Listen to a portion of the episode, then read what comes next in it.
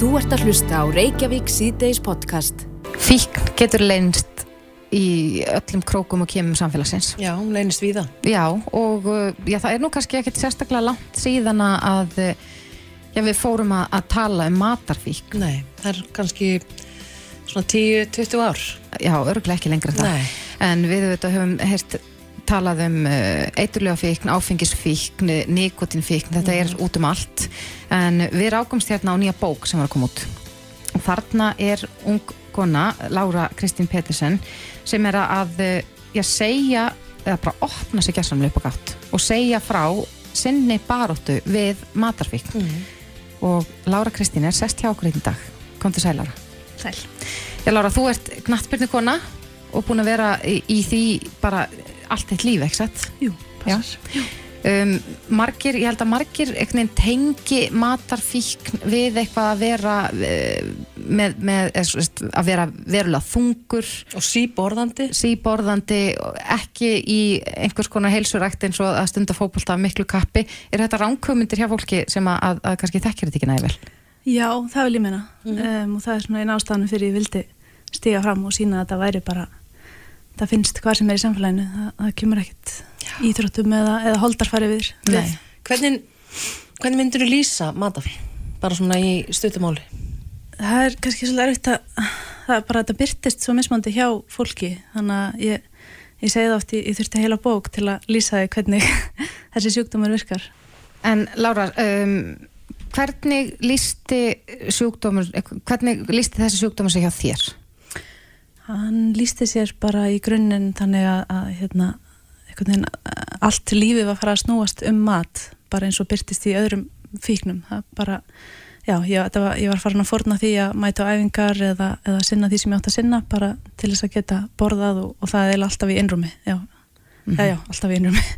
Og er, það, er það sammert með, með öðrum sem að glíma með matafíkna að þetta er, snýst svolítið um að já, fela sig frá umheiminu? Já, Fela fíknina? Svona, já, og ég held að það nú bara heilt yfir hjá þeim sem að glíma við fíkn að bara ríkir svo ofbasli skömm yfir því að bara einhvern veginn get ekki haft stjórn á neyslu eða gjörðum að einhverju tægi, hvort sem að sé matur eða já, sama hvernig fíknin byrtist þannig að já, þetta er svona það er svolítið samnefnari meðal fíkla að, hérna, að glíma við gri, greiðlega skömm Mm bara, já, tengt þessu En uh, matarfíkn, er, er þetta, sko það nú hefur við oft hér talað um, um allskins ádraskanir, lótu, græðki og, og fleira þeim dúr.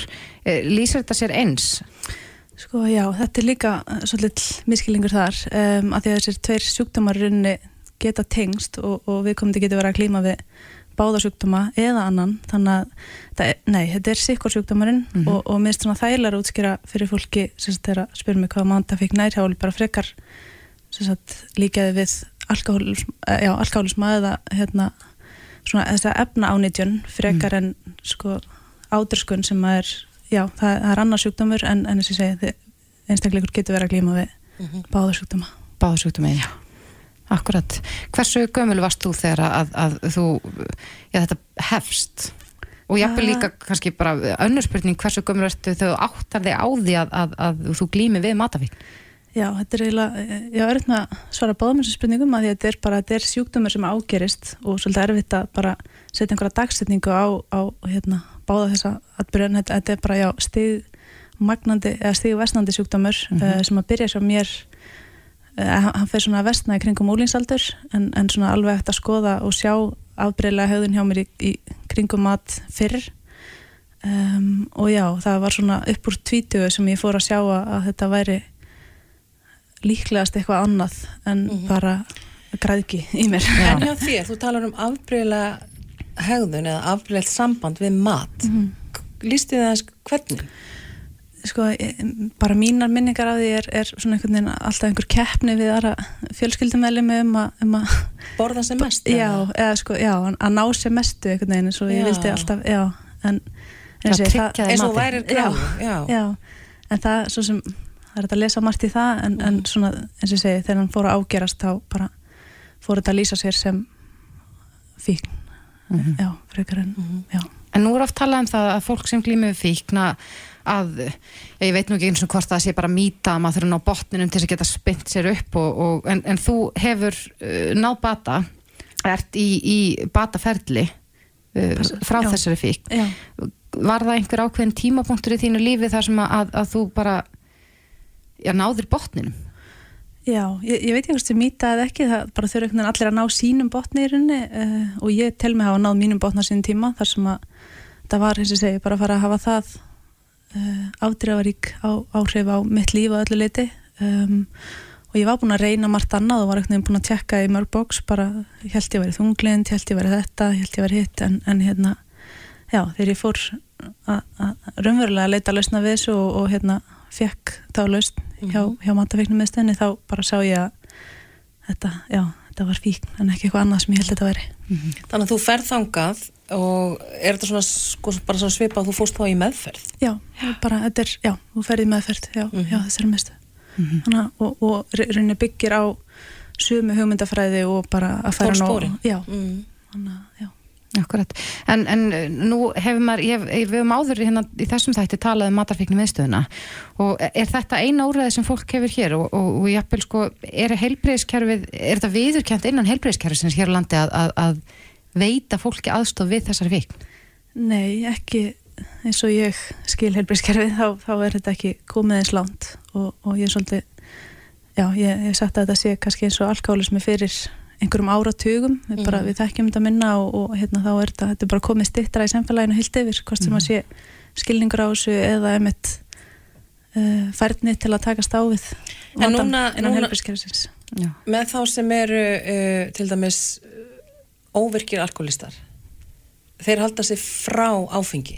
Þannig að nú spyr ég að vera matarfíkil óvirkur þú getur náttúrulega ekki haldið þér frá mat hvernig, hvernig fer þetta allt fram? Já, það er Hvernig virkar þetta? góð spurning Já. og hérna það, að halda margir að þetta sé fíkn sem er ekki hægt að tækla að því að bara ef við speklum þetta alkohól, alkohól þá er það svo í rauninni einfalt að að sjá hvernig það Mhm. hvernig lausnin er þar en, en lausnin er í rauninni byggir á því sama uh, við erum bara með ákveðin ramma utan á matinn sem sagt ég vikta allt sem ég seti honum í bara til að vera með ramma um að fá nóg en ekki um mikið og, og svo held mig frá þessum svona helstu matvælum sem að rauninni tryggjara fíknina bara eins og etanólið í, í áfengi sko. Og hvað, hvað er það sem að þú ert að halda þig frá? Það er alveg langur listi Já, komdu með eitthvað Já, það er náttúrulega aðalega hérna, hveiti, sigur, sterkja Mhm. og, hérna, og, og fleiri matvæli Svona snakk og eitthvað svona sem að en, úlingar kalla mönns já, ekki satt? já Nammi? Já, það er alltaf sigur, í því. Þannig að já, þetta raunni byggir á því sama að bara halda sér frá að því að, að, því að sama hvað maður vinnur tólsporin eða sama hvað maður einhvern veginn sko, hefur aðra hluti í lagi ef að við erum ekki að halda okkur frá efnunum sem að kveikja í ílöngun Já. þá, þá, þá fer alltaf sama ferla stað í líkamannum Því þetta er bara heila sjúkdómur þetta er ekki hegðana tengt, já En, en eh, er þetta mismunandi á milli einstaklinga sem að glíma við þessa fíkn? Sko, hvaða er sem er kveikjan af fíkninni? Já, það getur verið, um, en eins og samtökinn sem ég er í, þá erum við bara öll að halda okkur frá nákvæmlega sumum matvælum og, og, og borðum þá í rauninni sumum matvæli, en, það er, það er líka langur listi af mat sem við getum borðað og, og svona, ef ég get sagt, bara vennilegur matur, bara reynt kjöt, reynt, Bara reynt fæði. Reynt fæði í rauninni, en, en svona þessna líka tengir fólk geta oft við eins og ég sé bara í einhverju átaki að því ég er að borða sko mikið grammindi og, og reynt fæði, en, en í rauninni snýst þetta bara alltaf um að geta að, að sérst, halda sig frá þessum efnum sem að kveikja í löngun. Já, Hvað er langt síðan að, að þú hófst bataferli?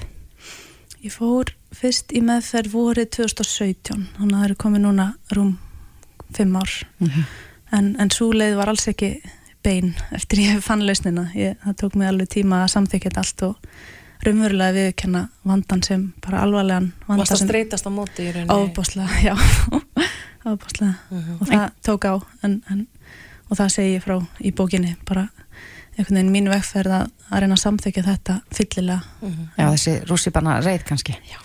En uh, nú bara uh, spyr ég að forvitni. Um, og þegar maður hefur oft heyrt um það að, að, að fólk sem að glými við alkoholisma eða annars konar fíkn, svona, já, ekki, ekki bara það að sneiða hjá því sem að, að fólk er fíkið í, heldur líka bara að það getur verið erfitt að vera í kringum uh, það sem að kveikir á fíkninni. Hvernig er það til dæmis fyrir þig að, að mæti samkvæmi það sem eru, eru allir þessi matur sem þú ert að sneiða hjá? Fermingavislu til dæmis. Sko, heilt yfir, þe- þegar ég er í bata þá er það ekkit mál og, og ég hef alveg sagt að bara þá, þá virkilega teki ég ekki eftir því, bara eins og, og, og myndi aldrei dætt í huga að láta það upp í mig bara eins og ég myndi ekki setja lifandi, vísi, blað, lifandi vísindi hérna blaðið sem Já, að- tímarit. Já, eða þú veist, það bara virkilega það, að því ég veit bara hvað þessi matvæli gera við mig en, en þegar ég er fallið og, og verið svona námir upp úr föllum þá hef ég alveg bara, já, sleft einhverjum samkvæmum sem að ha, já, Haldið frá. já, Mm. þannig að það getur alveg tekið á og ég hef svo sannlega verið í einhverju fíli við því að, að matur sé allstaðar og ég ætla líka bara í íþróttum og það er bara, við erum að borða oft saman og það eru dömunar spýtsur inn í klefa eftir leik og svona en, en já, þegar ég er í bata þá einhvern veginn bara tekið ekki eftir þessu Nei. frekar en einhver öðru sem ég myndi ekki láta honum mér sko Já. En þú ert ung kona, mikil fyrirmynd fyrir, fyrir aðrar konur, knattbyrnu kona og, og, og auðvitað fyrirmynd fyrir ungar stúlkur. Hafa einhverju leita tíðin eftir að þú gafst út bókinu og talaður opinskátt um fíknina til þess að, að hreinlega uh, fá aðstof fyrir sig eða sína? Já, ég hef verið að fá einhver skilabóðin, annars ekki það langt sinni ég gaf, gaf hann út um, en já, það hefur verið leitað til mín Já. vegna þess að Það lítur Já. að vera mjög styrkjandi fyrir því. Að Já, fólk það er leiti þín og fá ráð.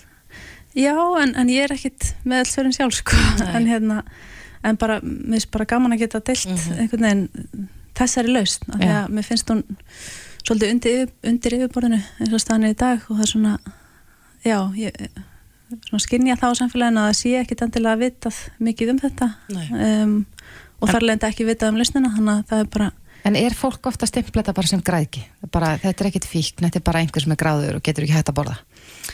uh, fólk ég, ég ætla að gera það sjálf lengi sko. Já. Þannig að hérna, ég veit ekki, ég get ekki sagt til um hvað Nei, fólk er að gera Nei ég meina en- bara svona út frá, út frá umræðin í samfélaginu. Já, sko, ég, ég upplif frekar að þetta sé tengt við bara einhvers konar átröskun sem að þarf að svona bara hemja með einhverjum heg, breyttum venjum eða hegðunum. Ég upplif frekar þann miskiling, sko. Og svona, já, halda og segja oft, sko, já, vastu matafíkil. Og Mm. bara, nei, ég, ég er það, ég er bara, ég matafíkil í bata og, og er að halda mig frá. Eins og alkoholisti var ekki alkoholisti, hann er það en hann er bara edru í dag. Mhm. Þannig að, já, kannski frekar þar sem að miskilingurinn Já. leikur. En bókin heitir Veran í moldinni, hugarheimur matarfíkilsi leita bata. Segðu okkur hans frá titlinum, Veran í moldinni. Sko, mér er svolítið gaman að segja fólki bara að lesa hana og, og Já, hérna, þannig að það mun komið ljós. já, það kemur í ljós og ég er smá sökkar fyrir tvíræðinni þannig að þetta er svona já, bara Mm. í Þannig að við þurfum að lesa til að komast að. já, Já. Mér, já, Já, Lára Kristín Pettersen, eh, við þakkum þér kærlega fyrir komin og segja okkur þína sög og hvetjum alla til þess að- næla sér í eintak af bókinni. takk fyrir mig Þú ert að hlusta á Reykjavík C-Days podcast. Jæja, enn og aftur setjum við hér og ræðum stýrivaksta hækkanir. Eh, Það er aðeins ólíkur tími frá því í fyrra. Þá var eh, mjög algengt að við fengum til okkar sælabankastjóra til að ræða stýrivaksta lækkanir. En uh, nú er tíðin önnur. Stýrivextir voru hækkaðir úr fjör 4,75% í 5,5% í morgun og hafa ekki verið hærri síðan í júni 2016 skilt mér. Þetta hefur mikil áhrif Já. og, Og fólk hefur áhyggjur. Já, fólk hefur áhyggjur, auðvitað er það skiljanlegt að, að, að þegar þetta hefur já, bein áhrif á uh, afborgarnar af húsnæðislánum til dæmis Já. og á, á skömmum tíma hafa vextir hækkað mikið og uh, þar af leiðandi finnur fólk alveg greinlega fyrir þessu heimilisbókaldinu. Já, heldur betur. En hún er sest hjá okkur í dag, Kristrún Frostadóttir, þingmaður samfélkingarna, kom til sæl. Komið sælar. Ja, Kristrún, getum við aðeins farið yfir það svona til þess að byrja með, um, hvaða áhrif hefur þessi hækkun, við erum að tala um 0,75% hækkun núna og höfum auðvitað verið að sjá mikla hækkun upp á síðkastið, hvaða áhrif hefur þetta beint inn á heimilinlandinu? Sko stýrivaksta breytingar eh, eru til þess gerðar að hafa bara beina áhrif á vakstakjör í böngum. Það er ekkert sjálfgefið að það fylgi alltaf 1% stig fyrir 1% stig. Það er svona það sem mikilvægt líka hafa í huga. Þetta er ekki vextitin sem þú ert að greiða en þetta er, hefur áhrif á hvernig bankar geta fjármagnað sig á markaði og það kostna þeirra við að reka sig og allt það og legur það út í almenn lánakjör fólks. Þannig að þessi hækkunar hreina sem við höfum verið núna, undanfarnar í raunin bara vikur, sko, þetta er búið að gerast náttúrulega ótrúlega hratt. Þetta er til þess fallið að bara hækka verulega um eitt vakstabyrði fólk sem er með húsnæðislán. Um, þetta fer auðvitað líka út í fyrirtækjalán og, og önnur lán getur þetta fara út í en þetta er eh, kannski mesta breytingin sem að fólk finnir fyrir í, daglegu lífi snýra húsnæðisbyrði. Og he- hefur þetta áhrif strax? Og Þetta, við höfum heyrt af því að, að ja, stýrivextun hefur hækkað að lækka vexti og bankarnir eru kannski eitthvað misfljótir að bregðast við. En, en mun fólk sjá þetta bara á, á greiðslusælunum sínum? Mér, finnst ekkert ólíklegt að við sjáum þetta fyrir eitthvað hratt koma fram. Um, það er bara fyrir eitthvað líklegt að bankarnir bregðist við þannig og satt best að segja þá er tilgangur hækkanna. Ég meina, Sæðlabankin er að gera þetta til þess að þetta hafi áhrif á fólk. Það er mjög mikilvægt að hafa það í huga að það eru skilabóðin frá Sæðlabankanum. Að þeir eru að reyna að herða óluna hjá fólki uh, með mjög almennum hætti. Þetta er svona, og við höfum aðeins rætta, við höfum rætt þetta áður í þessum þætti, þetta er bara mjög breytt tól til að hafa áhrif á hagkerfið. Um, þetta er svona svolítið eins og að vera með hamar einhvern veginn á allt saman vegna þess að þetta hefur áhrif á öll lán og stöðu fólks og bakgrunn og hvernig það kom til að, að, að hérna, það er með sína skuldsetningu og eins með fyrirtæki.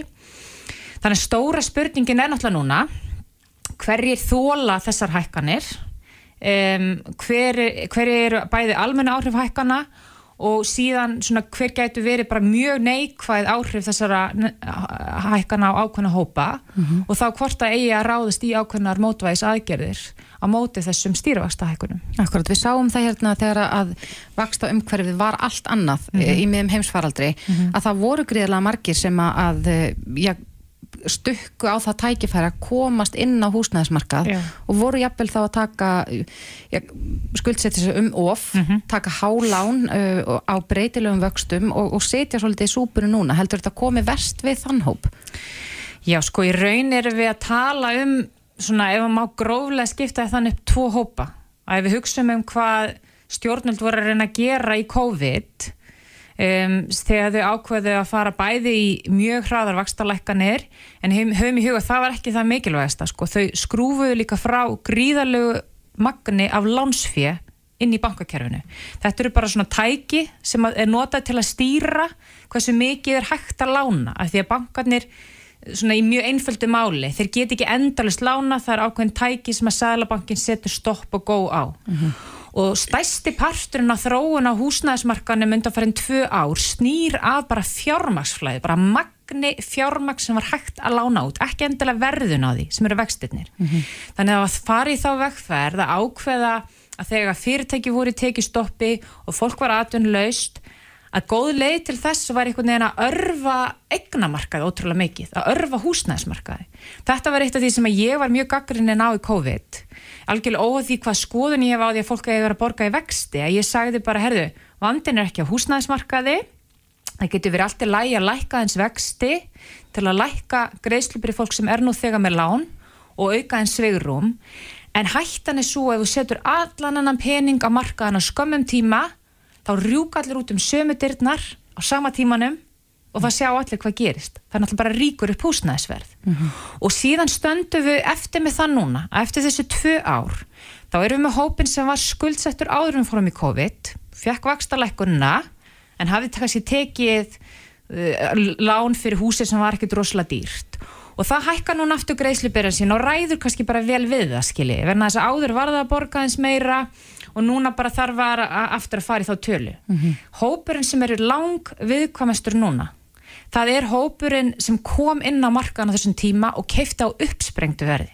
Hópurinn sem var leið fyrir það að það var farið í svo rosalega hröðu örfun og hafði einhvern veginn enga kosta völ líka út af skorti bara á húsnæðstefnu og gagvart leigumarkaði og hafkomi húsnæð eitthvað svo leiðis að bara varða farir en þessa leið að skuldsetja sér mikið Þannig að nú eru þeir konur í vítarhing. nú er þetta fólk komið í þennan vítaring vegna þess að margt að því kannski komst bara í gegnum greiðslumat á þessum ofurlágu vöxtum. Þannig ég myndi gera greinamun á þessum tveimur hópum, skiljiði. Auðvitað er alltaf einhver mismunandi þarna inn á milli, en þetta er hópur sem kom inn á mjög dýran markað, á lágum vöxtum, gerði sín plön út frá því, hlustaði á bæði fjármálar á þeirra í aðranda kostninga og sælabankastjóra á síðast ári og þar síðast ári talum að við varum komin í nýtt vaksta umhverfi, lág vaksta umhverfi. Þetta var fjármálaráðgjöfn ráðgjöfn sem fólk fekk og þetta er hópur sem að ég hef áhugur af núna Og hvernig getur þau, sko, hvernig er þetta bregðast við? eins og fyrir þetta fólk? Núna þarf að mínu mati og ábyrð stjórnvalda liggur í því að verja ákveðna hópa fara í sértakar aðgerir, af því að það eru sumir eins og ég sagði sem ráða við vaksta hækkanir það eru sumir sem voru bara með hagstætt lán, að hagstæði húsi áður fyrr geta tekið þetta á sig. Þetta mun líka dempa verbreyfa og hlutanbreyfamarkaði það er ímislegt jákvægt líka skiljiði, við að fara þessa leið þó þetta sé líka sársökafullt en þetta má ekki bytna á þessum hópum. Og þá er hægt að fara í sértök úrræði eins og að skoða mögulega vakstabætur til fólks bara til að draga úr vakstakostnaði með beinum greiðslum sem kom frá ríkisjóði Þetta er eitthvað sem þarf að útfæra sérstaklega hjá ríkistjórninni vegna þess að það er búið að útvatna vakstabótakerfið á Íslandi gríðarlega undan farin svona tíu ár. Það er ekki fugglni að fiskur, það færi eiginlega engin vakstabætur í dag nema bara einstaklingar sko, næri því undir lámarstekjum. Mm -hmm. Þannig að við getum ekki treyst á því að þetta sé svona sjálfgrafa tæki sem að koma inn núna Þannig að það þarf að fara í, í sérstakar aðgerðir fyrir yngstu hópana og skuldsestustu hópana. Mm -hmm. En síðan eru þetta líka bara svona afleitt áhrif af efnaðsástandinu, skiljið, þú veist, það er allt orðið dýrar í dag, sérstaklega nöðsynja verur. Þannig að þú ert bara með viðkvæma hópa, tekjulega hópa, batnafjölskyldur sem að finna mjög mikið fyrir þessu, eru með lítið sveigurum gagvart verðbólgu.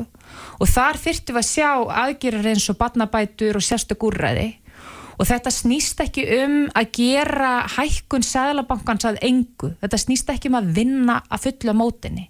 Þetta snýst bara um að þegar það er verið að snúa svona hratt við ólíuskaupinu, það farið í hraðarvakstarlækkanir mikið af fjármagnir pumpaða markan með ómarkusum hætti á hröðun tíma og svo ætlar að kippa út úr kerfinu að þetta falli ekki ójæmt á fólk mm -hmm. eftir í rauninni bara þörf og getu. Og þar geta stjórnvöld með pólitískum ákvörðum komið inn í og stilt skrúurnar aðeins að. Akkurat. Það sko, margir hafa nú fagna því að undanfarn ár hefur orð, orðin ákveðin viðsnúningur í sko lántöku hjá fólki. Mm -hmm. Æ fleiri velja óvertri lán og eh, jafnvel á förstum vöxtum svona þess að tryggja sig eitthvað en, en eh, áður fyrir voru fleiri sem að völdu vertriðu lánin og, og eh, nú ég rakst á grein hérna á vísi.is þar sem að Kristján Þórður Snæbjörnarsson fórsetið allt því sem Pats Ísland skrifar og mm -hmm. hann hefur verulega ráðgjörð því að, að nú muni æg fleiri kjósa verðtriðu lánin Já. til þess að reynilega bara fleita sér í gegnum þetta uh, skringila ástand sem mm -hmm. við erum í. Mm -hmm. Hvaða afleðingar getur það haft og, og svona í, í nánustu framtíð? Sko, þetta er alltaf svolítið erfitt með verðtrygginguna vegna þess að þetta er lánafyrirkomulag sem að hefur svona sögulega sé gert fólki kleift að komast inn á markaðin þú veist, ef þú ert tekjulagur eða ungur og þú þólir ekki mikla greiðslubyrði þá er það þannig að í rauninni sveiblutnar í efnaðslífinu, ef svo maður kalla sem að endur speklast þá í verbolgu eða vakstastígi þú tekur það ekki út í mánalegri greiðslubyrði. Það mm -hmm. bætist þá bara við höfustól lansinsþýns þannig að fólk sem hefur ekki úr miklu að móða um hver mánagamót Eh, hefur sögulega sé geta tekið þessi lán bara til þess að minnst að komast inn og þurfi ekki að vera á leikumarkaði sem er ótrúlega dýr og óhagstæður og óörgur vandin er hins vegar sá að sko þegar þú ert í auknu mæli farin að taka verðri lán að þá ertu í rauninni að fresta bara þessum kostnaði við efnaslífi, eða svo maður segja sko, mm -hmm. þú ert að mhm. fresta kostnaði verðbólku og vöxtum og fólk lendir í því að að sko það er að borga húsnæðislánu sitt markvallt tilbaka þannig að þetta er svona svolítið blekkingarleikur við kostnað skilur að þú, þú, þú geymir kostnaðin þar til setna en fólk getur hort upp á það að eigið fyrir sem að setur í húsnæði og setur kannski 5 miljónir í húsnæði að það í rauninni bara brennur upp í svona vegna mm þess að, að hérna hækkunna móti á skuldinu verður svo ótrúlega mikil. Mm þannig að þetta er sko þetta er að mínum mati þetta er ekki gott lánaform vegna þess að þetta er mjög flókin fjármálugjörningur, fólk heldur einhvern veginn að þetta sé bara auðvildari greiðslubyrði. Akkurat, bara svolítið næsa Já, en þetta er í rauninni bara ótrúlega auka skuldsetning sem fylgir þessu.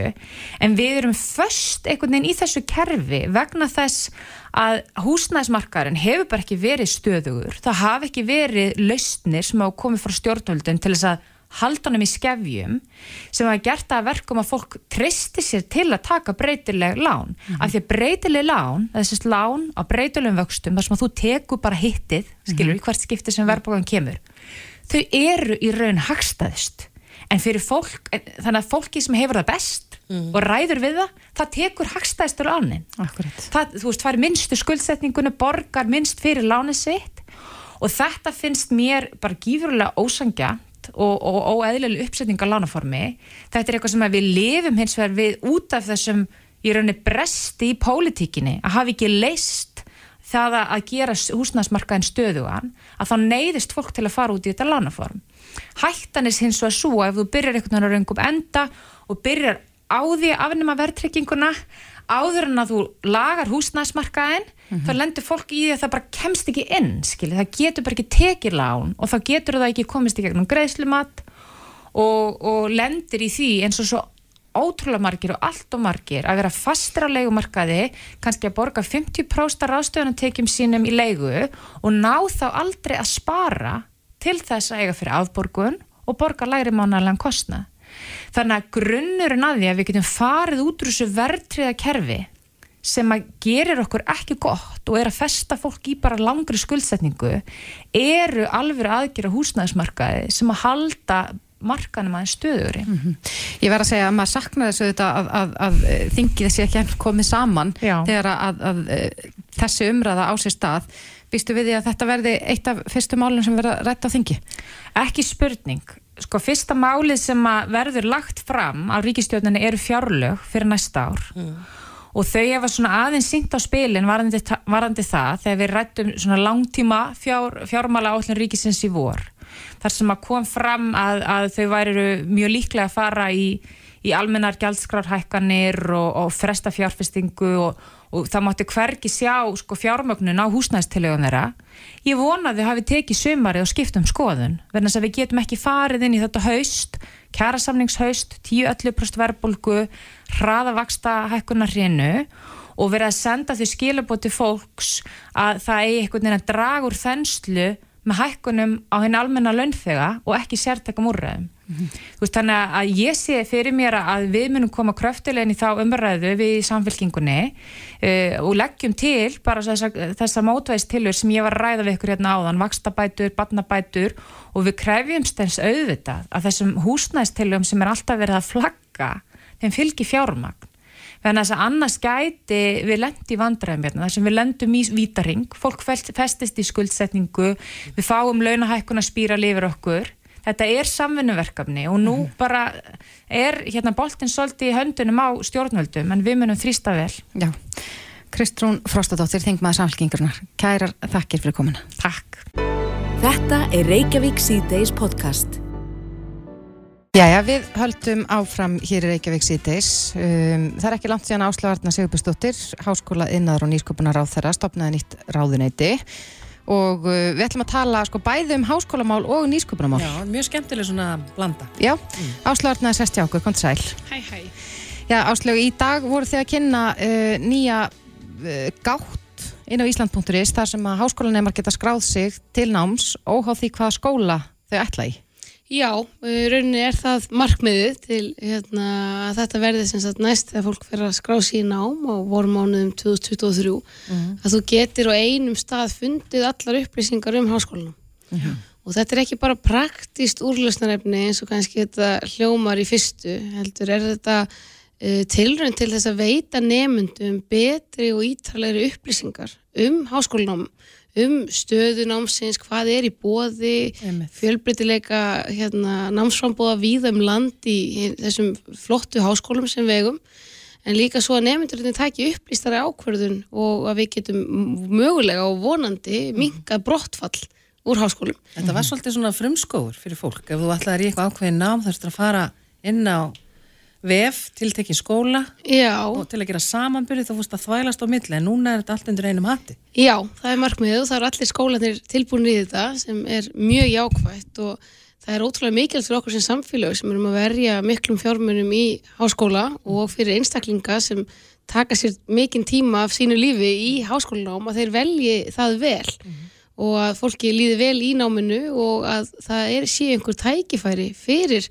aðila þegar þú útskrifast úr háskóla Einmitt. að uh, tækifæri samfélaginu til að starfa Já. og það er ekkert eiginlega sorgleira en að hérna, spenntir, spennt ungt fólk sem kemur og fer í nám og útskrifast inn í engin tækifæri þannig að það er líka mikilvægt að veita fólki þá yfirsýn hvað er í bóði af því það er svo fjölmörg sko, námsleiðir í bóði sem fólk kannski veit ekki af Já, það er er til mikil- fleira en bara viðskiptfræði, lögfræði og verkfræði. Já, og við erum að sjá það að uh, af þeim sem eru atvinnlausir með háskólamentun að þá eru 25% af þeim viðskiptaða hagfræðingar Já.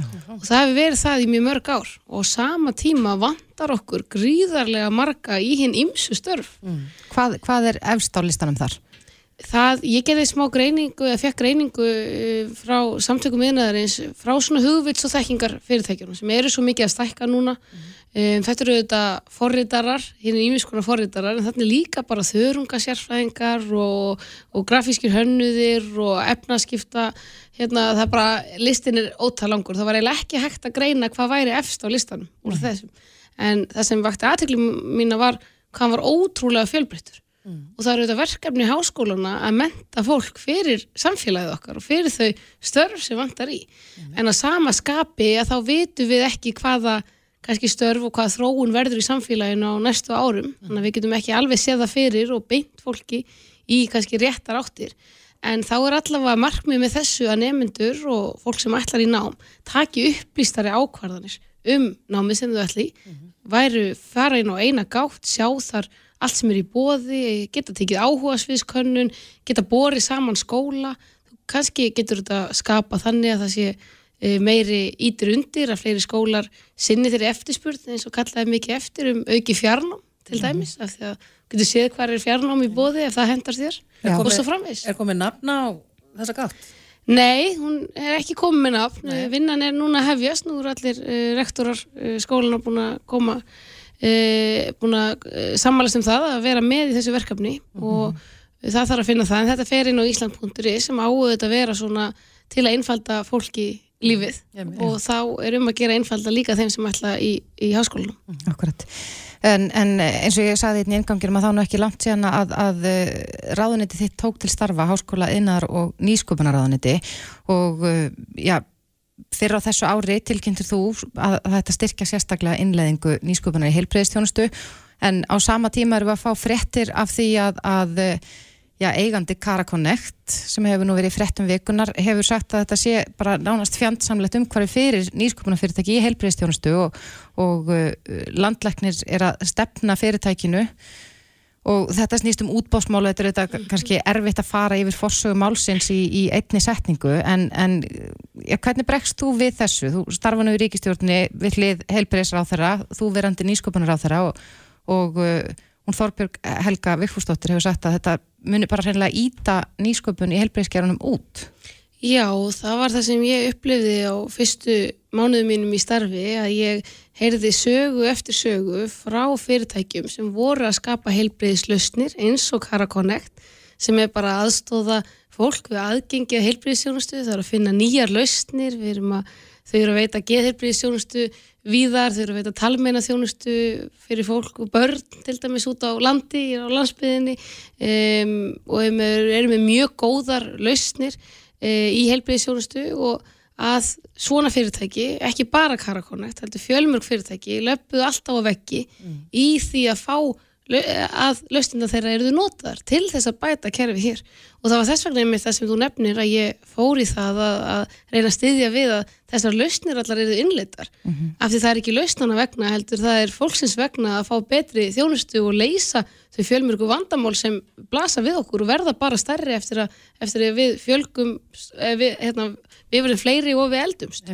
En um, og þetta og ef ríkið ætlar að koma fram með þessum hætti um, að þá held ég að við ítum nýsköpun enn aftar í helbriðskerfunu og það er mikið áhyggjaefni að tími og fjármunir þessara fyrirtækja og fjármunir sem oft eru ekki miklir af því að þau eru að finna upp nýja hluti e, fari í það að verjast henni opimbera og kerfinu og af því að ríkið er að ganga á þau uh, af því að uh, þau ákváðu að fara fram og segja, heyrðu, við viljum taka að það sé hér tekið þátt í útbóði sko.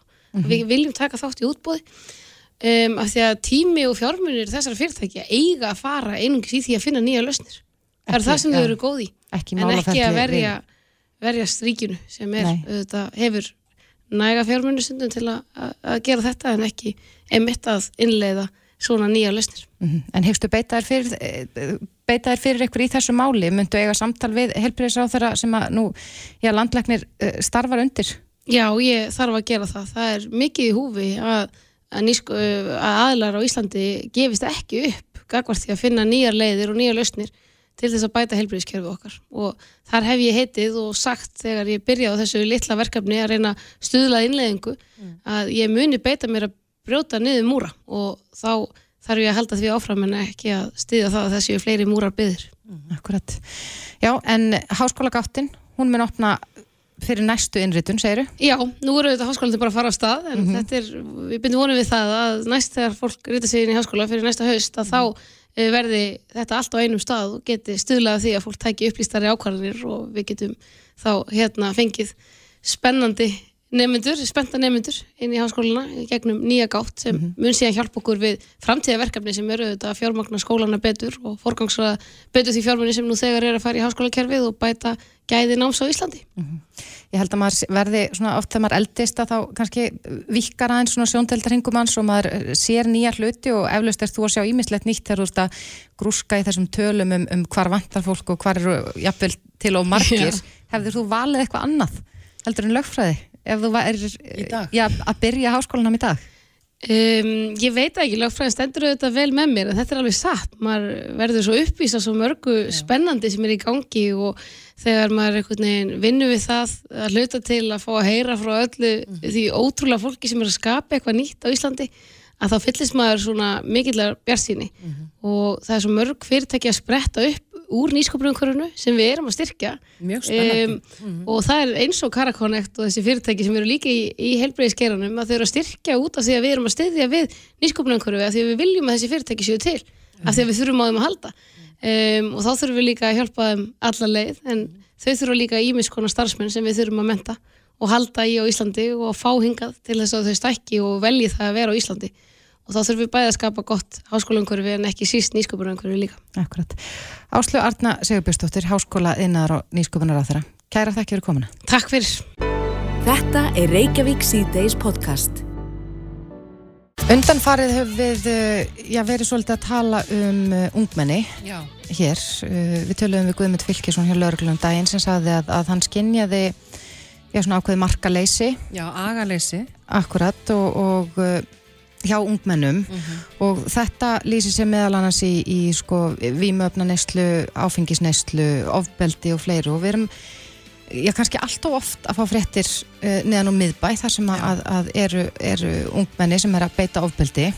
En Ísland hefur í árana rás síðastliðin 20 árið að svo verið mjög framarlega í forvarnarstarfi. Við náðum gríðarlegum árangri. Mér skilst sko að, að, uh, já, úlingadrykja var nú bara daglegt brauð hérna verið 20 árum síðan og, og svo er þetta bara lóð, lóðurétt lína niður á við á línuriti Einmitt. hversu margir úlingar drekka áfengi en það er spurning eh, sko, þetta, þetta íslenska forvarnamótil hefur farið út um allan heim. Þetta var bara þannig að, að eh, fólk tók eftir okkar árangri hér.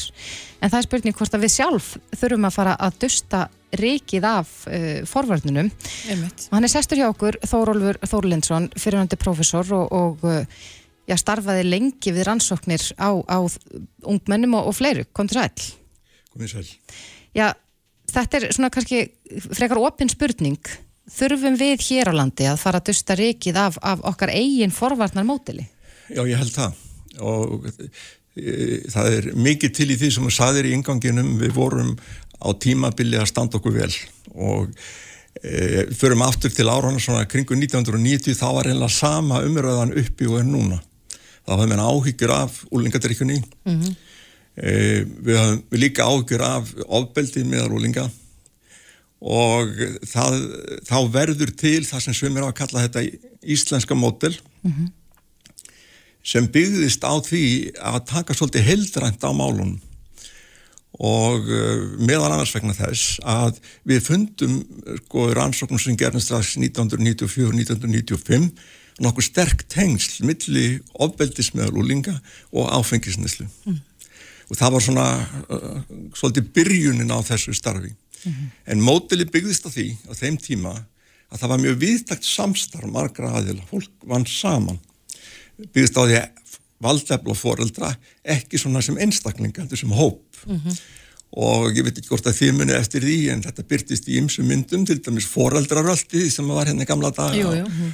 og samstarf foreldra um, um það að setja útífistarreglur og fleira og fleira byrjast líka því að segja að við verðum að bakka kennarinn fyrir að valdefla skólan líka. Mm -hmm.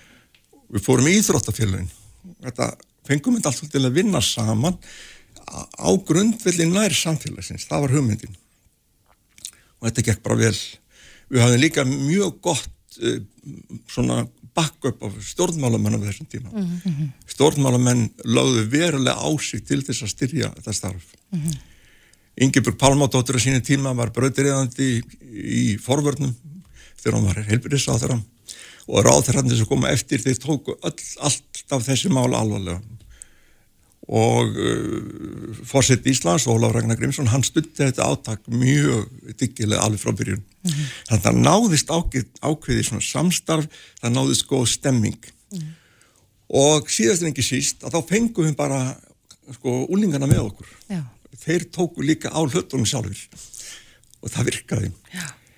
Maður kannski rétt svona bæta til við að eh, svona líkil atri í þessu starfi voru rannsóknir. Rannsóknirnar voru svolítið, e, það þjónuð þeim tilgangi að draga fram áhættu þettina, það þjónuð þeim tilgangi að fá fólk til að vinna saman mm með svona, það gáði svona starfinu fókus oft á tíðum. Og það gáði líka feedback. Bæði fengum við tölur fyrir landið allt og svo gáttum við látið þá sem er unnútt á akranum, mm -hmm. fá tölur bæðum áhættu þætti og um stöðuna í þeirra einn heimabyrð. Mm -hmm. En hver er staðan á þessum rannsóknum núna? Er, er þetta ekki framkvæmt lengur eða hvað? Nei, sko, það sem mér finnst að hafa gert er það að, að sko, mér finnst þetta að hafa svona molnar hérna niður og uh, það er sko, nokkur atrið sem að breyst auðvitað breytist samfélagið. Rannsóknirnar verða að vera í tengslum við forvarnastarfið. Mm -hmm. Þetta er ekki þannig að þú getur hendt út niðurstöðum og, og treyst í einhver notar. Þú verður bara, í rannsóknarsmennir það er best að þeir sem mestu samstarfi mm. við alla aðeila út á akrunum. Starfi byggist alltaf á þeim sem eru út á akrunum, þá sem starfa, kennurunum, foreldrunum, þá sem eru að vinna með ungmennum, íþróttafélunum. Það er fólki sem skilar árangri. Þú getur ekki búið til einhvern forvarnastefni abstrakt. Þú verður snert af fólk, ít af við fólki. Mm. En hvað, nú hefur ég sko, hvað, hvað gerðist á þessum 20 árum? Ég meina, sopnum við að verðunum, hvað hættu við að sinna þessu starfi? Já, ég held bara að við getum þykir dæmi sko, það tengstinn millir rannsóknarna og starfins hafa rofnað. Það voru mikilvægir þættir í þessu eins og til dæmis félagasamtök sem unna á forverðnum fengustyrk. Þau eru veikar í dag. E, við getum líka nefnt það að sko, það var markvist forvarnastarfi í skólum fræðsla. Það var einhvern veginn þannig að það var bara miklu meiri stemming og miklu meira starfi í gangi. Starfi finnst mér sko í dag krefst þess til dæmis að mentamálaráðanettið, dómsmálaráðanettið og heilbríðsándi vinni saman. Starfi í dag krefst þess að við endurveikum rannsóknar þeirri minn sem voru mm við virkum þau öfli í samfélagin sem getum virkað í dag. Það er auðvitað breyting. Í grundallar atröðum er þetta endur tekið efni mm -hmm. samt sem áður. Já, við búum auðvitað að því að hafa já. gert þetta með góðum árangur áður. En, en á meðan að, að já, staðan er eins og hún er núna að, sko, ég hugsa bara sem foreldri að, að mér langar að fá okkur tól í hendurnar til þess að, að geta, já, það er oft talað um það að það er líka mikilvægt að heimilið sinni sínu að, að þú talar um nærumhverfið, þá eru þetta líka mikilvægt að fóreldrar sinni, sínu forvarnar hlutverki. Hvað getur maður já, gert? Snýst þetta um samveru eða, eða hvað? Sko, fyrstala er þetta þannig að og við þurfum ákveðna festu til að geta unnið. Við þurfum ákveðin bakgrunn, ákveðna reglur, ákveðna reglufestu. Hún er að hluta til, við horfum á úlingana, börnin, það er að hluta til á heimilunum, mm. það er að hluta til í skólunum, það er líka á hluta til í samfélaginu. Já. og við erum að sjá, hefum séð til eitt af því sem við gerst er það að við hefum séð svolítið upplausn í samfélaginu kringum, sjáum polariseringu á mjög mörgum sviðum, sjáum ákvæmna upplausn. Og þessi upplausn hún ítur undir agalesi, hún gerir fóröldunum erfiðara fyrir að, að, að starfa. Þannig að við þurfum að skýrari línur heldur við um haft, þá þurfum að leggja skýrari línur og síðan þurfum við ákveðna festu sem bakgrunn fyrir starfið. Já. og það eh, sko, verður aldrei framhjátti komist að foreldrar sem sérstakur hópur ekki bara eitt og eitt Nei. þetta er bara sem held að þeir verða alltaf í líki hlutverki og, bara tökum lítið dæmi um hvernig hlutinni breytust þeir breytust, við sáum að breytast og horfir á rannsóknu og sérðu hlutina breytast eitt af því sem gerist var það og ég man eftir því, til dæmis í byrjunum þetta var, voru verulega átök sko, að það var í gangi svo kenning að samskipti foraldra og barna væri fyrst og fremst gæðastundir. Það skipti ekki máli þó að væri lítið það bara væri gott. Þetta var, reyndist ekki vera það sem rannsóknar sáð okkur. Það sáð okkur bara, bara tíminn sem það eigði með botnum skipti máli. Já. mjög miklu máli. Þetta breytist, þetta er bara eitt aðrið sem breytist og sko annað sem við höfum séð er það að sko við höfðum á sínum tíma mjög sterka ungmennafélagsreifingu svona ungmennafélagsanda sem ættar að virka og í- bara íþróttafjölum Íþróttafélagin kom með okkur. Sjálfbóðali starfið í, ung- í þessum félugum af því að sko félugin eru rekin í hverfunum, þau eru rekin í umhverfi skólana, fólk, krakkarnir sem eru í skólunum, þeir eru líka í hverfa íþróttafélagunum eða hverfa tómstundastarfinu og þá myndar þetta svolítið svona ég maður kalla þetta svona félagsauð sem hægt er Já. að virka þetta myndar líka meira taumhald. Því að Meiri aga. meiri aga, samskiptin millir foraldra og ungmenna, þau auka taumald og þau auka aga. Þannig þetta byggist voða mikið að taka bara að fara tilbaka, taka, þessar, taka þessi skref fá samstarfið. En það verður líka að mínum að því, og nú er náttúrulega tala um þann þátt sem að ég þekki best, þekki vel það eru rannsóknar, það verða að vera með það verða að koma inn þetta, það verða að fylgja. Af því að hlutinni breytast síbreytilegir. Og við verðum alltaf að þó grunnáttinn þetta sama þá verður þetta að vera lifandi starf. Já, en þetta er nú ekki, sko, maður hefur oft heyrt að ekki bara þessu sviði heldur öðrum að, að uh, maður er ykkur í slæmri stöðu, uh, vinnur vinnuna til þess að koma sér á betri stað, svo þegar við erum komin á þannig góða stað, hættu við þá bara. Þa, það kannski gengur ekki alveg upp út því að þá förum við jafnvel aftur tilbaka. En, en hver, hverra er þetta verkefni? Við, þurfum við að, að, að taka stjórnmálin inn í þetta háskólasamfélagið og, og búa til eina held og, og vinna þetta upp á nýtt? ég held það sko, ég held að sko við erum að taka, sko við erum að sk- skoða þetta pínu lítið sem einangru fyrirbæri við erum að skoða ofbeldið og nýfana sem er svolítið nýtt þetta er breyting, þetta var ekki svona það er líka þannig að ég held að mörguleiti það hafi ofbeldið hafi ekki verið minna ekki sko minna útbreytt með rúlinga hérna áður fyrir en það var um það allt annað rammi Já. þú sást ekki sko eins mikið sko margar aðast og einn þú sást ekki nýfanótkunni En er það ekki líka með tilkomu sko áður fyrir kannski var þetta meira áfengi og slagsmál, Já. vandalagumál Já. núna er bara þetta því miður orðið harðari heimur og úlingarnir okkur eru komnir í eitulif Já. og nota orðið vopp Já, þetta er algjörlega umhverfi breyst umhverfið og þess vegna verður þetta miklu eldfimara Já. og ég held að, að sko, við, þurfum að við þurfum að taka þetta. Þetta er eitt, við getum ekki skoða þetta bara sér. Síðan er neyslan vímefnum Mm. og það er bara merkilegt að lesa í gegnum þetta blöðu núna. Þetta er eitthvað sem að sko, einnáðast allir nefna að uh, sáum viðtalið til dæmis við Grími, sáum viðtalið við Híðan Unstensson og fleiri fólk sem að vinnur í þessum geira til dæmis er að með Gríma við. Þeir nefna þetta sérstaklega hvað jafnvel sko Grímur allan nefnum jafnvel liv sko. Og ég held að þarna hafi þeir sett puttan á atrið sem við þurfum aðeins að skoða. Sko við erum búin að sjúkdómsvæða þetta svo mikið, við erum eiginlega að taka sko, erum við að, að taka frá sko, börnum og lingum okkur tækin sem við þurfum til þess að takast á við lífið, bara yfir lit Já. og segja bara við að fá töflu og sko þetta er líka hlutur sem er breyst að í umhverfi sko okkar umhverfi mínu til dæmis að þá gafstu farin að bryggja og eski fyrir því og þar lærður þú sko að gera greina mann því hvað þú getur hvert og hvað ræður ekki við Já, svona lærðir á lífið læfir á á lífið þinn hátt, og, og með takast við. Nú Já. þarftu að fara í hugra natferðlismeðfyrir til að læra þessa Já. hluti. Þeir eru ekki lengur í umhverjum eins og voru.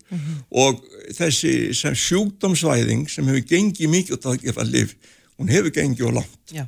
við hefum ekki láta hann að taka frá okkur sko, sko baráttuna við og kenna, því að kenna börnum bara að takast á við erfiðleika og Bönnum má leiðast, það er nú bara þannig. Bara er besta mál. Og við megum alveg finna fyrir besta sveitt. mál, besta mál. Já. þeim, má leiðast Já. og þeim finnst ekki slæmt að hafa reglur. En það verður að vera þannig að þú getur ekki, eitt fóraldri getur ekki sett börnum reglur sem aðrir fær ekki eftir. Já. og bara tökum eitt dæmi útivista dæmi.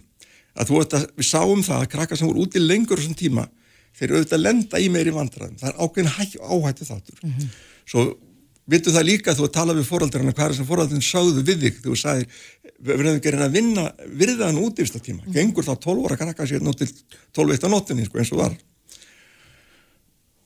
Hvað segja krakkarnir sko Akkur með allir vera úti nema ég? Já, það með allir gera þetta nema ég. ég. Þannig að samstarfið bara lokar þessum klukka Þannig að það er mikilvægast, það er forverðnin heima við með fóreldrum. Þú getur aldrei byggt upp þetta foreldra án þess að hún sé með. Já, hún er mikilvæg. Já, en, en við heyrum það að, að við þurfum að fara að dusta rikið af, af íslenska forvarta mótilin svo sannarlega, en uh, Þórlindur, nei, Þórólfur Þórlindsson, afsakið, professor Emeritus, kæra þakki fyrir komuna. Takk. Takk sem við leiðis Reykjavík síðdeis á Bilginni podcast. Mér finnst verulega gaman að gera mig glaðan dag og fara svona eitthvað út á lífið og helst á einhverjum svona sýningu, mér finnst mjög gott að hafa svona tilgang með Já. kvöldinu. Ef að sýningunni þinn er ekki aflýst. Já, já, það auðvitað átt að vera tónleikar hérna eitthvað, Nei, nei, nei, en hérna, nú ætlum við aðeins að slá á léttari strengi. Já, á morgun er nefnilega uppistandsýning, uh, svo fyrsta hér í Reykjavík, í Tjarnabjó, þar sem að grínistinn og pislahundurinn Stefán Ingvar Vigfússon ætlar að- vera með sitt eigið grín, en hann hefur nú verið ansi vinsall með hérna VFHS uppistandshópnum, en Stefán Ingvar er sestur hjá okkur, kom til sæl. Kom til sæl, takk fyrir að bjóða mér. Já, bara takk fyrir að koma. Þú ert bara að, að fara í þetta sóló, að Já, uh, það er sem sagt bara axlaðist þannig að ég stofnaði uppistandshóp með uh, þreymur aðlum sem að tóku öll svo hratt fram úr mér. Já, Eh, þú varst eftir. Ég varð eftir og na, þau hafi ekki tíma alltaf að gera neitt fyrir en eftir áramót og, og ég, ég hef búin að prófa þessa sýningu fyrir vestan í súundafyrði. Þannig ég ákvað bara að prófa að standa á einn fótum. Og hvernig er það? að standa á einn fótum uh, ég sko hef alltaf reynd að forðast ábyrð eins og ég get uh, en ég hef unnið sko ég er svona nýbú, til dæla nýbúin að klára nýjan spórarhing í aðsamtökunum uh, þannig að mér finnst ég svona tilbúin að að, að, að takast á við þetta. Já. En sko, ég, ég við vorum aðeins að ræða þetta á hann ég og drífa sko, áður lengur en þú komst hingað. Ég held að það sé eiginlega bara minn versti ótti Já. að segja brandar einhver staðar og enginn hlær. Já, Er það versti ótti uppistandarans? Okkur Sko- gerir fólk sem ég Ég hugsaði bara ef enginn er, hlæraðir og þú stendur þarna já, já, og hva, hvað gerir þið? uh, sko ég er eiginlega bara búin að venjast því. Að uh, enginn hlæjaði Þetta hljómaði mjög illa þegar ég er að kynna uppistandsýningu Já. að enginn hlæja mér, ég get ekki ímyndað mér að það myndi nokkur sem hann gerast. Nei, hérna uh, það kemur nú bara aðalega frá því að fara inn í fyrirtæki og skemmta og eitthvað, ég var að skemmta á ársáttíð þar sem voru, þú veist, þúsund manns og ársáttíðin var haldin í stóru húsi á nokkrum hæðum og það voru svona no joke tíu metrar frá sviðinu í fyrsta gest. Ég Mjög persónulegt. Mjög persónulegt. Uh, ég var bæði að visslustýra og skemmta þannig ég var með þú veist klukkutíma prógramanna og ég vissi bara að það var enginn að fara að hlusta og enginn að fara að hlæja skilur við þannig að þá er það bara spurningum að taka peningan og hlaupa. Maður það bara hugga sig, hugga sig við það. Og hvað gerður þið? Tókstu peningana eða ég, ég, ég tók og ég skemmt ég tók mitt prógram og, og enginn hlustaði og enginn hló og ég stóð bara hana uppi með mikrofón og talaði við sjálfan mig í æ, já, svona klukkutíma yfir kvöldið. Uh, síðan fekk ég mig bara að borða og, og Reyndar verði ég hlaðborði í bóðu og eitthvað Sko, svona. mér finnst svona, einmitt, svona misefnu fyndni komið í ring þannig að það er orðið fyndið. Já, það sem er í rauninni ekkert fyndið það verður á endanum mjög fyndið fyrir það hvað er ófyndið. Sko ég er nefnilega verið að ég það að, að sko ég var alls ekki fylgjandi uppistandi hérna áður, ég var alltaf bara mér fannst þetta bara uh, kannski var það út, ég hafði eiginlega aldrei farið á uppstand en ég Já. bara hugsaði, ég er ekki að fara að borga og láta einhvern reyna að vera fyndið fyrir frammi fólk er bara fyndið svona í lífinu annarkost eða. Mhm. en svo hef ég á undanfjörðum árum farið á nokkur uppstand og bara hleyið mig máttlösa þannig að ég þarf sko að ég, ég tróði þess svona í sjálf mig að, að, að það er mjög gaman á uppstandi en, en, En það er, mi, mi, það er misfindið. já, mjög Þetta er náttúrulega óþólandi listform. Já, þú veist, ég held að eins og ég skil þetta fólk í þessari veistlu þessar þúsund manneskjur í þessari stóru veistlu mjög vel, ég held að sko, það sé verra að, að láta neyða upp á sig uppistandara heldur en að sé að láta neyða upp á sig gjörning. Þú veist, að mæti í veistlu og allt í einu kemur einhver sem þú þekkir ekki neitt einhver sem er ekki í fyrirtækinu fer upp á svið og heimtar aðtikli allra er svo eina þarna sem er á launum í þokkabót. Þú veist, ég get ekki ímyndað mér verra ofbeld en það. Nei en Ei, jú, jú, ég get það alveg. Ég veit að þeir eru búin að tala um forvarnir og ofbeldi úrling og eitthvað, það er verra. Það er verða Já, það er verra. en, en eh, sko en síðan er líka bara já, það var náttúrulega mjög vinsælt hérna í COVID að vera svolítið að gera grín eitthvað svona ganga gólf með fyrir þórólf og eitthvað svona sóttvarna grín og eitthvað. En, en um hvað grínast þú? uh, Ég hef grínast svolítið mikið með svona bara nabulan kvestaðsleikan uh, af því ég vinn bara sem grínisti og, og pislahöfundur þá er ég rosalega mikið einn uh, allan daginn, alla daga og Þetta er svona félagslega sveltur þá? Og svo kemur þetta út í gríninu.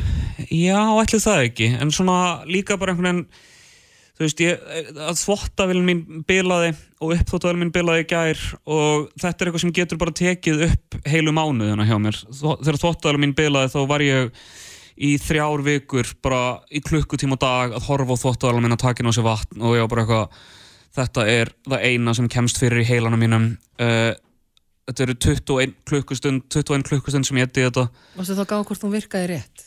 Já, þá er ég bara, eh, ég kann ekkert að gera við hana. Nei. Ég var bara að horfa á hana til þess að geta sagt fólki að ég hefði gert eitthvað vitulegt við daginn minn. Já. Þegar Hófi kærastu minn kom heim, þá spurði hann hvað gerur í dag? Og ég sagði, ég var aðeins að skoða þvóttavélina Varstu að horfa löður? Já, Já. þetta er mjög djúft. þetta er löður Já. já, En sko- Sápan. já, já.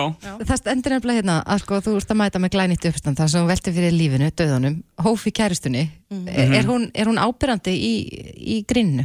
Hún er á Gerur grín af henni? Nei, ég ger ekki grín að henni held ég, nei, ég ger ekki grín að henni uh, Hún er yfirleitt svona frekar kannski hetjan í uppistandsögunum mínum En er hún til? Hún er til, já uh, Hún er til, sannarlega.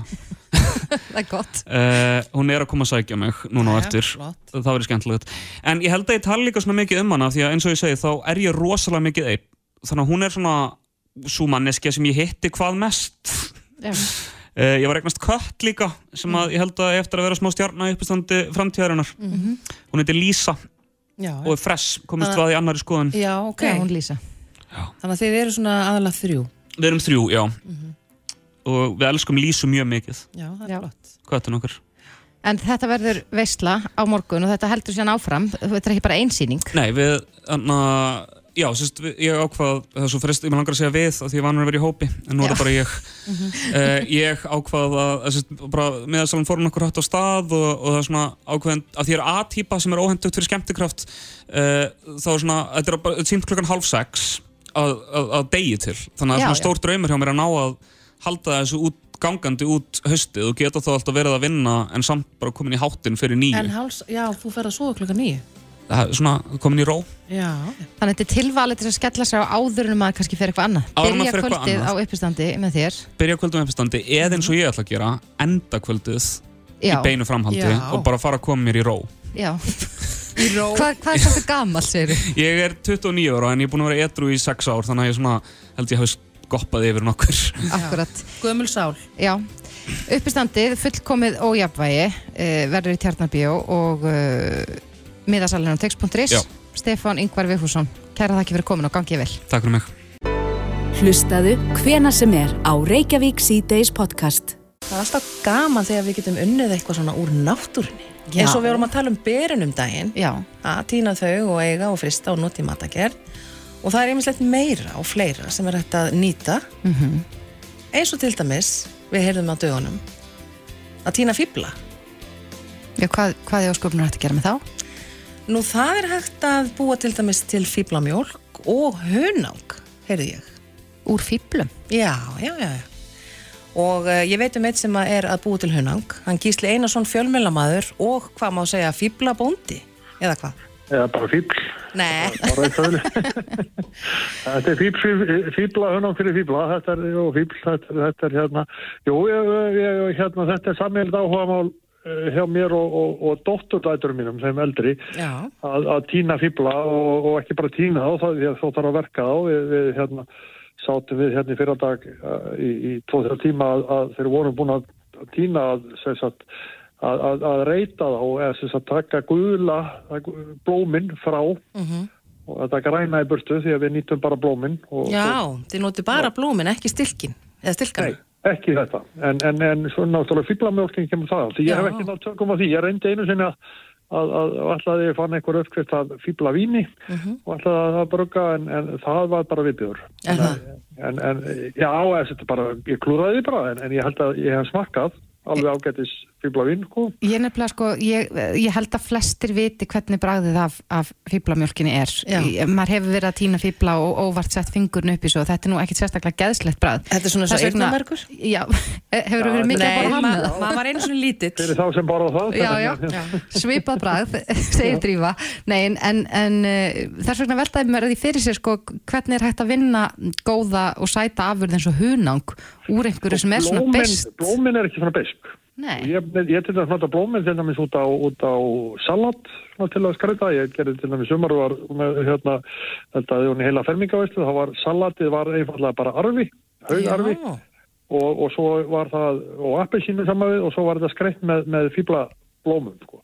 Þau eru ekkert góða bræði en þau eru ekkert, ekkert slæma bræði og, og hérna, en svo náttúrulega er það þegar við erum búin að reyta þetta þá, þá hérna, þá var þetta soðið sama við sítrónur látið liggja í, í, í, í hérna sólring og síðan er, er, er, er þetta soðið aftur og þá sama við sigur og þá náttúrulega verður kemur sætu bræði sko. En þetta verður þetta bræðast bara eins og svona þegar þetta er búið að, að, að- að malla þetta þá það bræðast þetta ekki dósið bara, bara vennileg tunnag og ég notaði eins og vennileg tunnag ég notaði þetta í, í sósur og ég notaði þetta í bröðbakstur og, og út af keks og, og svo framvegs Já.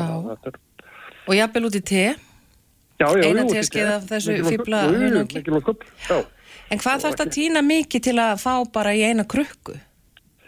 Sko Fullan er- pott? Þetta sé ekki svipa bara Nei, þetta er minna allavega sem að þarf að heldur, heldur en þú þarf að vínberjum í eina flösku af, af, af letvinni, það eru 1207 minnum en þú þarf, hérna 500 fíblar eða fjö, sko, aðri, þeir eru fekar litli núna, þannig ég týni 500 en, en uppskriftin er 400 á móti lítar af vatni, þetta er í svona 4-5 krukkur svona meðastórar já, já, já, Já, svona 400-500 stykki. Og það er, það er heilmikið vinna að, að, að, að verka þetta sko. já. en Gísli, Það er ertu, að ertu að, að gera þetta bara til eigin neyslu, ertu, ertu að framleiða?